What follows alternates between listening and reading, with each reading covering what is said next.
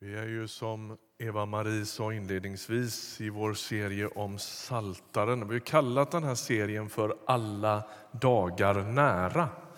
Därför att det är ju just precis det han är.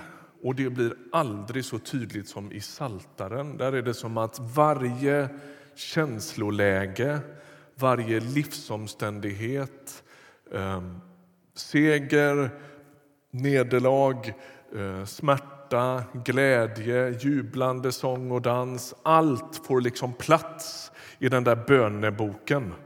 Och därför har vi kallat den här serien för Alla dagar nära. Ehm, hur många har hunnit uppfatta att det finns en bibelläsning man kan följa? Titta! Bra. Ehm, jag tänker inte fråga... Det var, ni hörde vad jag inte frågade. Om ni följer den. Det är en samvetsfråga. Det finns möjlighet att läsa Bibeln tillsammans med oss utifrån Saltaren hela sommaren. Det finns i pappersformat en liten bibelläsningsplan precis vid utgången här ute på ett ståbord. Men du kan också eh, följa den i en, i en bibelapp som heter Bibelstund som du hittar överallt där appar finns. Då kan du hitta den bland de nytillkomna där. Så står det alla dagar nära och Ryttargårdskyrkan. Sök inte på den nu. Jag ser på er vad ni tänker att ni ska göra. Ta det sen. Det är bra.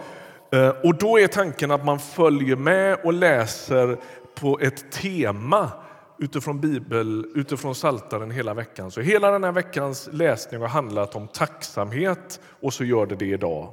Och så får vi ett nytt tema nästa vecka och ett ny, nytt tema för nästa söndag. Är ni med på hur det funkar? Och idag ska vi läsa psalm 92 tillsammans.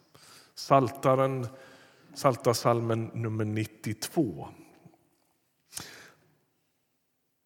Vi vet inte vem som har skrivit, men så här står det. En psalm, en sång för sabbatsdagen.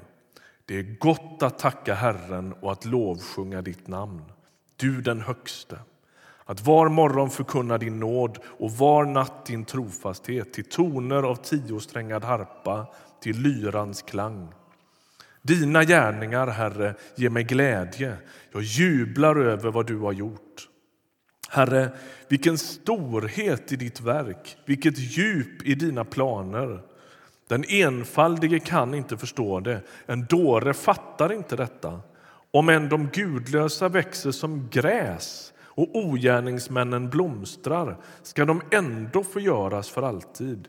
Men du, Herre, du är upphöjd i evighet. Ja, dina fiender, Herre, dina fiender ska gå under och ogärningsmännen skingras. Du gör mig lik vildoxen med lyfta horn. Du svalkar mig med uppfriskande olja. Jag får se hur mina fiender går under, höra hur de onda angriparna förgås. De rättfärdiga grönska som palmer, växer höga som sedrar på Libanon. De är planterade i Herrens hus och grönskar på vår Guds förgårdar. Ännu i hög ålder skjuter de skott. De är fulla av sav och kraft och vittnar om att Herren är rättvis, min klippa. I honom finns ingen orätt. Så lyder den salmen. Och dagens predikan handlar alltså om tacksamhet. Jag, jag, tänker ibland att vår tid och vår del av världen och vår kultur, vi är inte jätteduktiga på detta. Jag vet inte om ni har noterat vad som har hänt på hösten, är det i november eller när det brukar vara, när vi har importerat något som heter Black Friday. Är inte det väldigt intressant? Det är ännu en köpdag. Men poängen är att från, den hänger ju egentligen ihop med en dag som heter Thanksgiving. Men den glömde vi och importera, utan vi importerar bara ytterligare en köpdag. Och Jag tänker att förnöjsamhet och tacksamhet är ganska närbesläktade begrepp. Man inte bara liksom är förnöjsam över hur man har det utan man uttrycker också en tacksamhet för det man har. Jag tror inte att en människa som är oförmögen att känna tacksamhet kan lova Gud i någon sorts biblisk mening. Alltså lovsång, tacksamhet är också väldigt närbesläktade begrepp. Och Jag tänker att det här är klurigt för oss. Vi är uppväxta som sagt i en kultur och en miljö där man hela tiden vill ha mer. Vår kultur är ju präglad snarare av habegär och otillfredsställelse än tacksamhet och förnöjsamhet. Eller hur? Den som är förnöjd upplevs ju lite trött. va? Man saknar driv. Hela kulturen präglas ju av att man aldrig stannar upp och njuter av det man har. Man lever ju hela tiden på jakt efter nästa kick. Liksom. All reklam bygger ju liksom på det. Att man slår an en sorts sträng av att men det begriper att så där kan du väl inte ha det. Och att då tala om att glädja sig i Gud och att odla sin tacksamhet, det blir ju helt tvärt emot.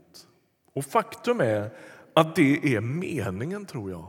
Tanken är att Gud kallar oss till en sorts motkultur där vi faktiskt präglas och där vi liksom doppas i någon sorts i en, i en tacksamhetens hållning.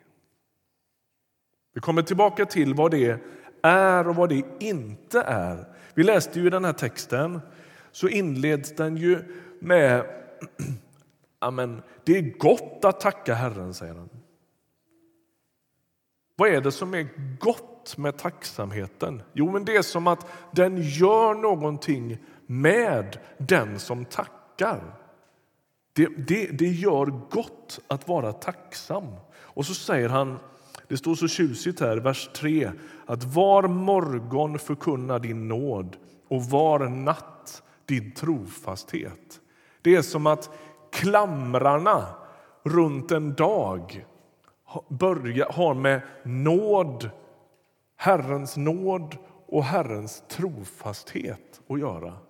Den dörr jag kliver in i varje morgon, den heter nåd. Jag kliver in i Guds nåd.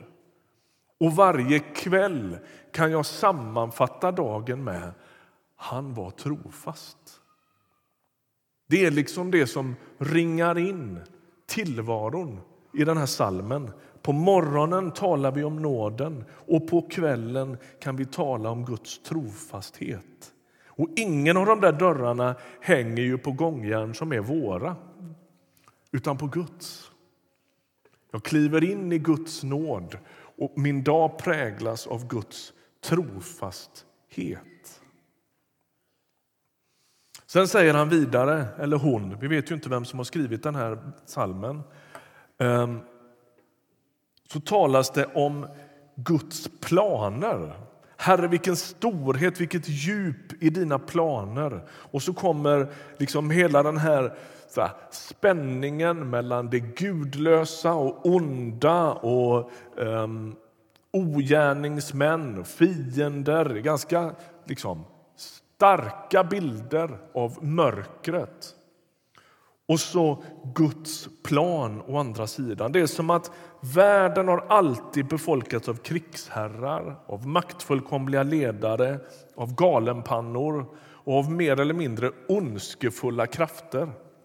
Idag ja, men det är ju bara att se sig om. Den ena galningen efter, efter, liksom, avlöser ju den andra i diktaturer runt om i världen. Dessutom klimathot, oro, flyktingkatastrofer, orättvisor. Hela världen står ju liksom och skälver på något sätt i allt som vi inte kan hantera. Och Bibeln blundar aldrig för det. Det vet ni att vi har sagt förut. Vi, vi, kommer, vi, vi säger gång på gång kristen tro är inte en verklighetsflykt. Vi blundar inte för hur det ser ut. Men Bibeln försöker ständigt hjälpa oss att se något annat också. Vi blundar inte för nöden, men Gud har makten. Han har kontrollen och han ska få sista ordet.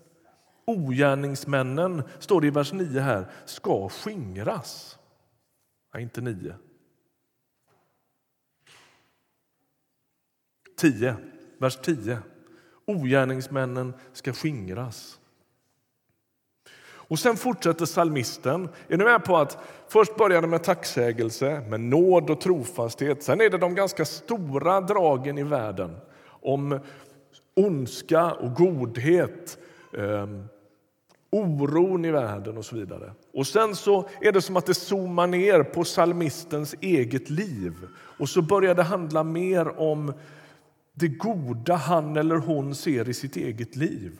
Och jag tänker att det är klokt och ett gott exempel att reflektera över vad jag ser, hur jag, vad jag ser för spår av Guds godhet i mitt eget liv. För att kunna tacka och reflektera över Guds trofasthet, över Guds godhet och hans generositet så tänker jag att vi behöver viss hjälp. Det första jag skulle vilja skicka med dig av hjälp som jag tycker jag ser i den här salmen det är att påminna sig om att det man ytterst har inte kommer från mig, utan från honom. I den prestationskultur som du och jag lever i så är ju risken uppenbar att vi med våra snygga hem, fina jobb, vår goda ekonomi och vad vi nu tycker att vi har. Alla har det inte så, jag är med på det. Men vi har det ju globalt sett väldigt bra. så är det ju.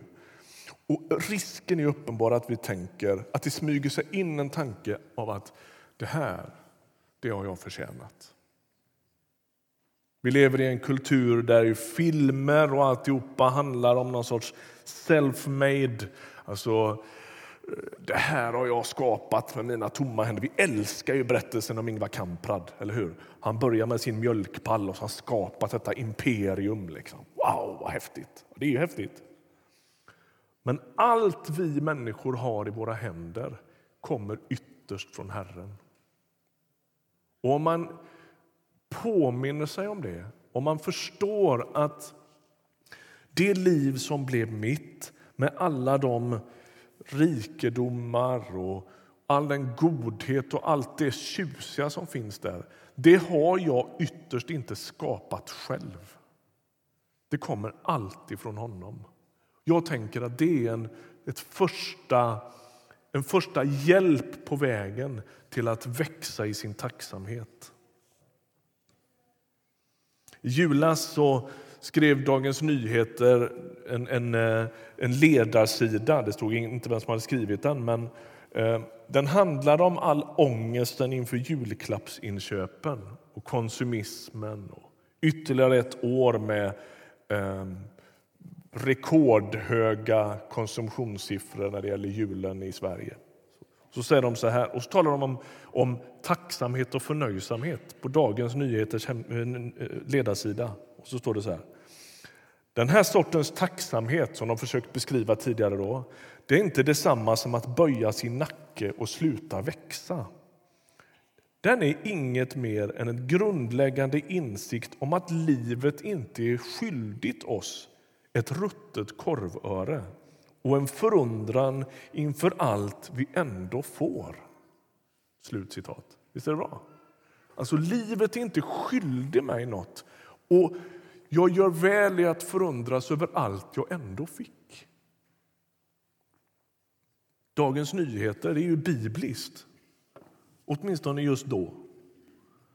Och så märker jag att jag kan öva mig i tacksamhet eller jag kan öva mig i självömkan och otacksamhet. Det går att ge bränsle åt båda.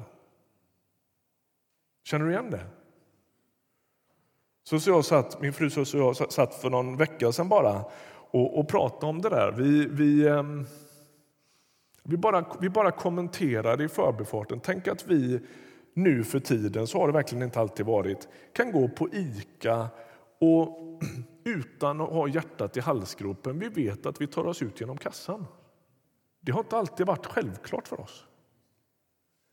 Vad viktigt att få påminna sig om det vilken, vilken nåd att det är så.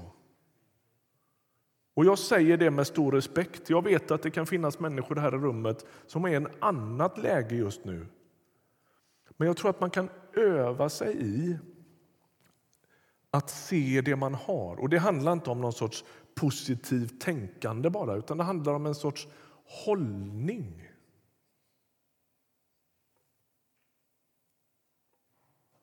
Tänk att vi kan köpa detta.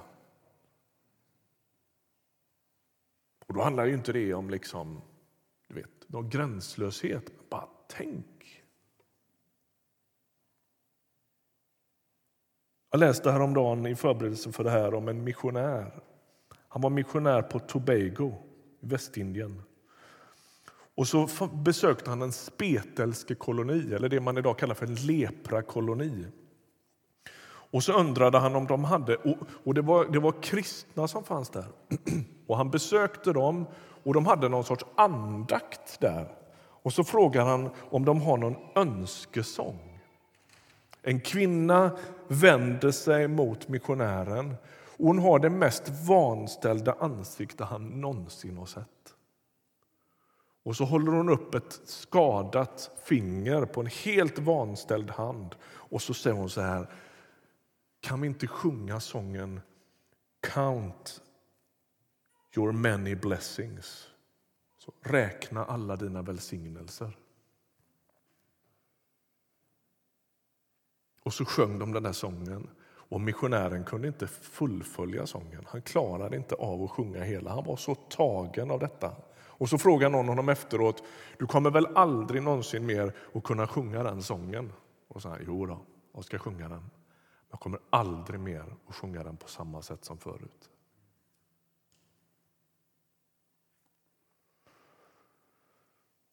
En andra hjälp, om den första är att öva sig att se det man har. Och då, jag vill att du ska vara no, höra noga när jag säger det betyder inte att man ser bort ifrån det man saknar eller att man inte talar sant om sina förluster. Det ska vi också göra. Man kan göra både och. En andra hjälp det kan vara en daglig reflektion. Det man i vissa sammanhang brukar kalla för en examen. Jag tycker egentligen inte riktigt om det ordet för det för tanken till liksom skol avslutning. Så, va? Men en examen eller en daglig reflektion det innebär att man varje kväll ber bland annat så här. Jesus, visa mig hur du har kommit mig till mötes under den här dagen.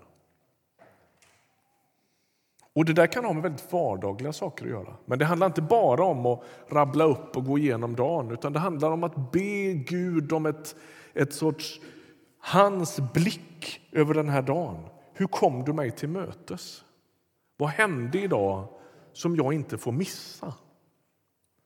Och så i bön går man igenom sin dag och funderar över vad hände. Det kan ha med vardagliga saker att göra, det kan ha med något mer anmärkningsvärt att göra. Men poängen är att inte missa hur han rör sig i våra liv och hur mitt liv liksom vidrörs av hans närvaro. Jag har gjort det där under ett antal år nu och tänker att det där har blivit jätteviktigt för mig för att hålla en sorts fokus eller skärpa.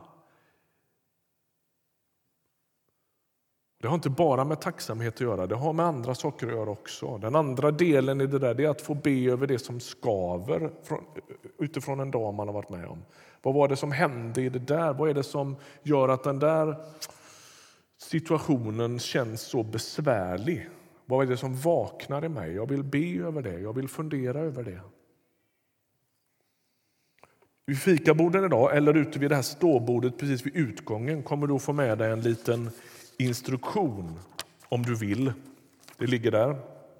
På hur man kan genomföra en sån liten reflektion över dagen. Eh, ta med dig den och fundera lite över det och pröva det fram lite över sommaren. Det där ska inte vara an, liksom, ansträngande och stort. Det tar tio minuter om dagen ungefär att göra en sån där. Och det är ett sätt att försöka vara närvarande i sitt eget liv och förstå vad Gud gör.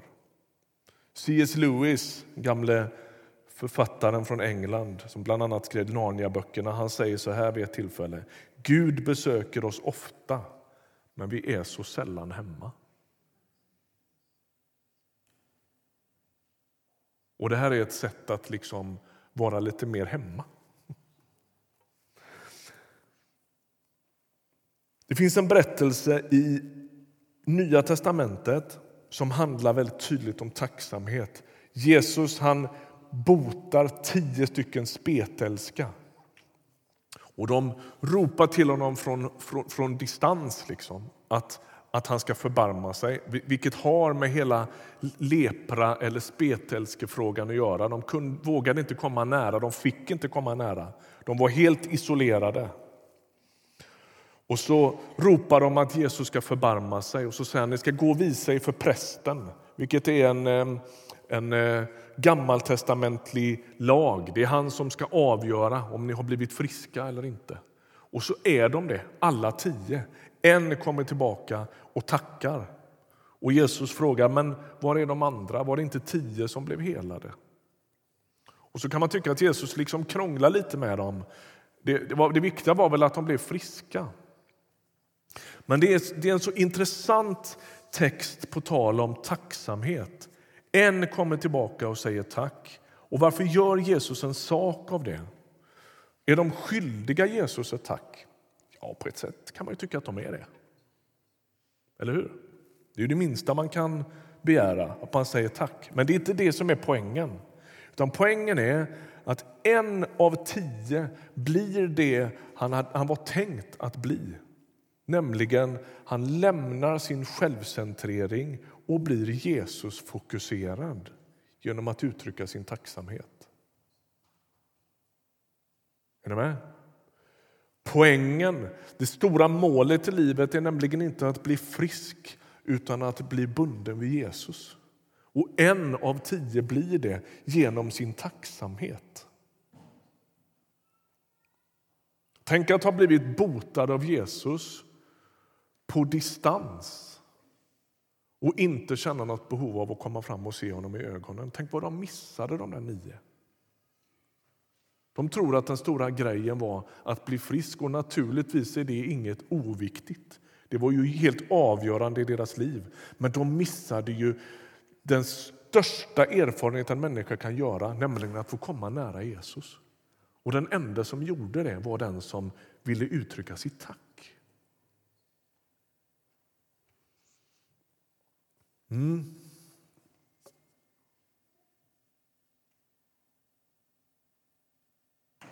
Jag anar fortfarande att man kan sitta och tänka så här, ja det är lätt för dig att säga, men livet är inte så himmelens enkelt för mig.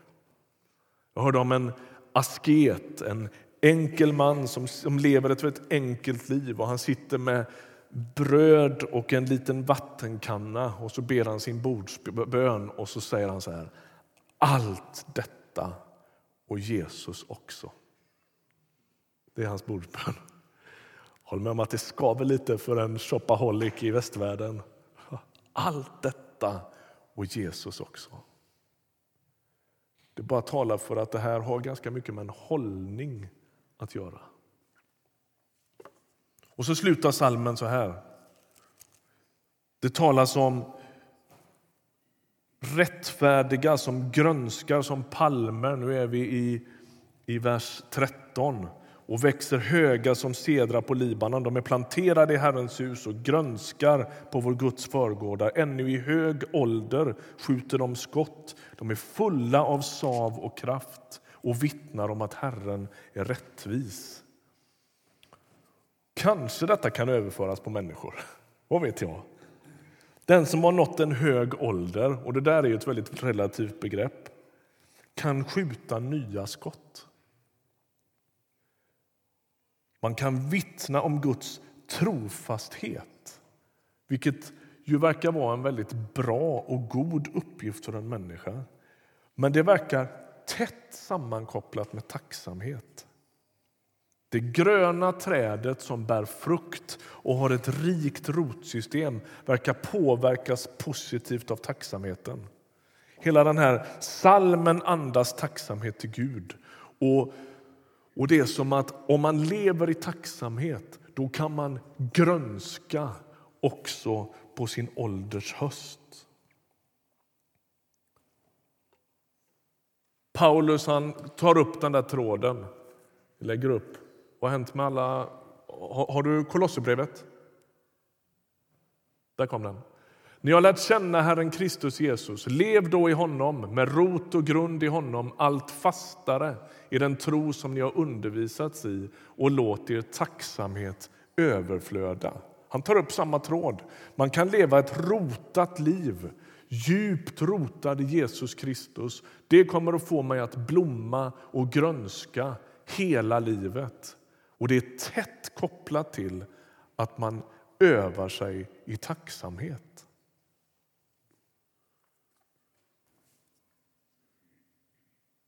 Det är en vital ingrediens för ett utvecklat rotsystem att vara tacksam.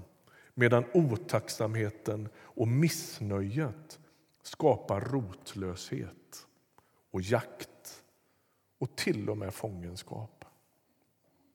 Så vad är dagens poäng avslutningsvis nu då? Jag tänker så här.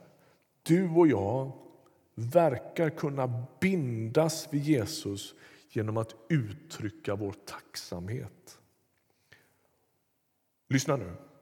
Vi ska inte uttrycka tacksamhet för allt. Det finns en massa saker i livet som jag inte är det minsta tacksam för. Men vi kan uttrycka tacksamhet i allt. Det är stor skillnad på det. Alltså det, är ingen, det är ingen fullständigt onyanserad, superpositiv, happy clappy kille vi pratar om som bara åh vad roligt allt är. Nej, det är mycket här i livet som är förfärligt. Men det är som att Bibelns texter lockar och drar i oss till att kunna leva ett liv marinerat i tacksamhet ändå. I allt. Inte för allt. Och om relationen till Jesus kan rotas på det sättet så verkar det som att vi resten av livet kan skjuta skott fulla av sav och kraft. Låter inte det rätt så bra ändå?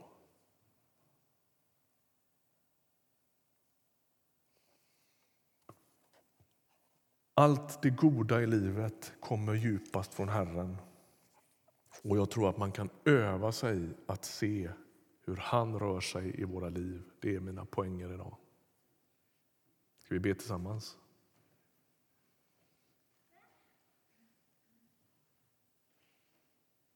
Jesus, du är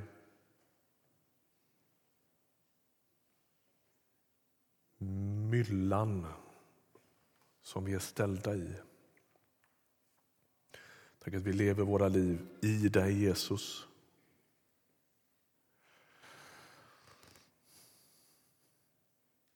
Tack att du har tagit oss ut ur ett, en hemlöshet, rotlöshet, gudlöshet, jagcentrering. Och så har du satt oss i dig själv. Nu ber vi att vi skulle få skjuta skott i dig. Vi ber att vi skulle få rotas i dig. Vi ber att vi skulle få gräva djupt i dig och vi anar av de här texterna att det har med tacksamhet att göra. Vi ber att vi inte skulle bli som de nio som får av dig men aldrig förstår riktigt kopplingen. Vi ber att vi ska vara som den spetälske som vänder tillbaka och säger tack. Och Vi ber att det skulle få binda ihop våra liv, rota våra liv få oss att sänka axlarna, få oss att leva lite mindre jakt med lite mindre jakt och flyktinstinkt. Tack att du rotar oss i dig i tacksamhet. Herre, jag tackar dig för att var och en av oss äntrar varje dag i din nåd. Tack att du har ställt oss i din nåd och varje kväll får vi summera, du är den trofaste. Tack att du hör när vi ber. Välsigna mina vänner i Ryttargårdskyrkan. Jag ber för den som känner idag att nej, balansen går inte ihop sig. Det är mer på minuskontot än på pluskontot. Vi vet alla hur det kan vara. Gå till den som sörjer idag.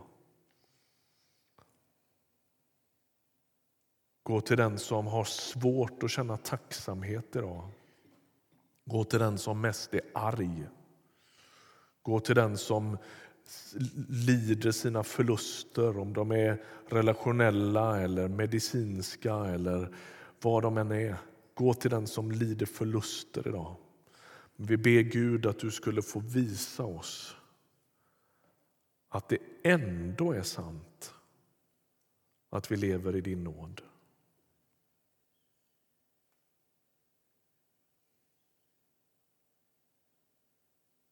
Tack för att du rör dig i våra liv av nåd.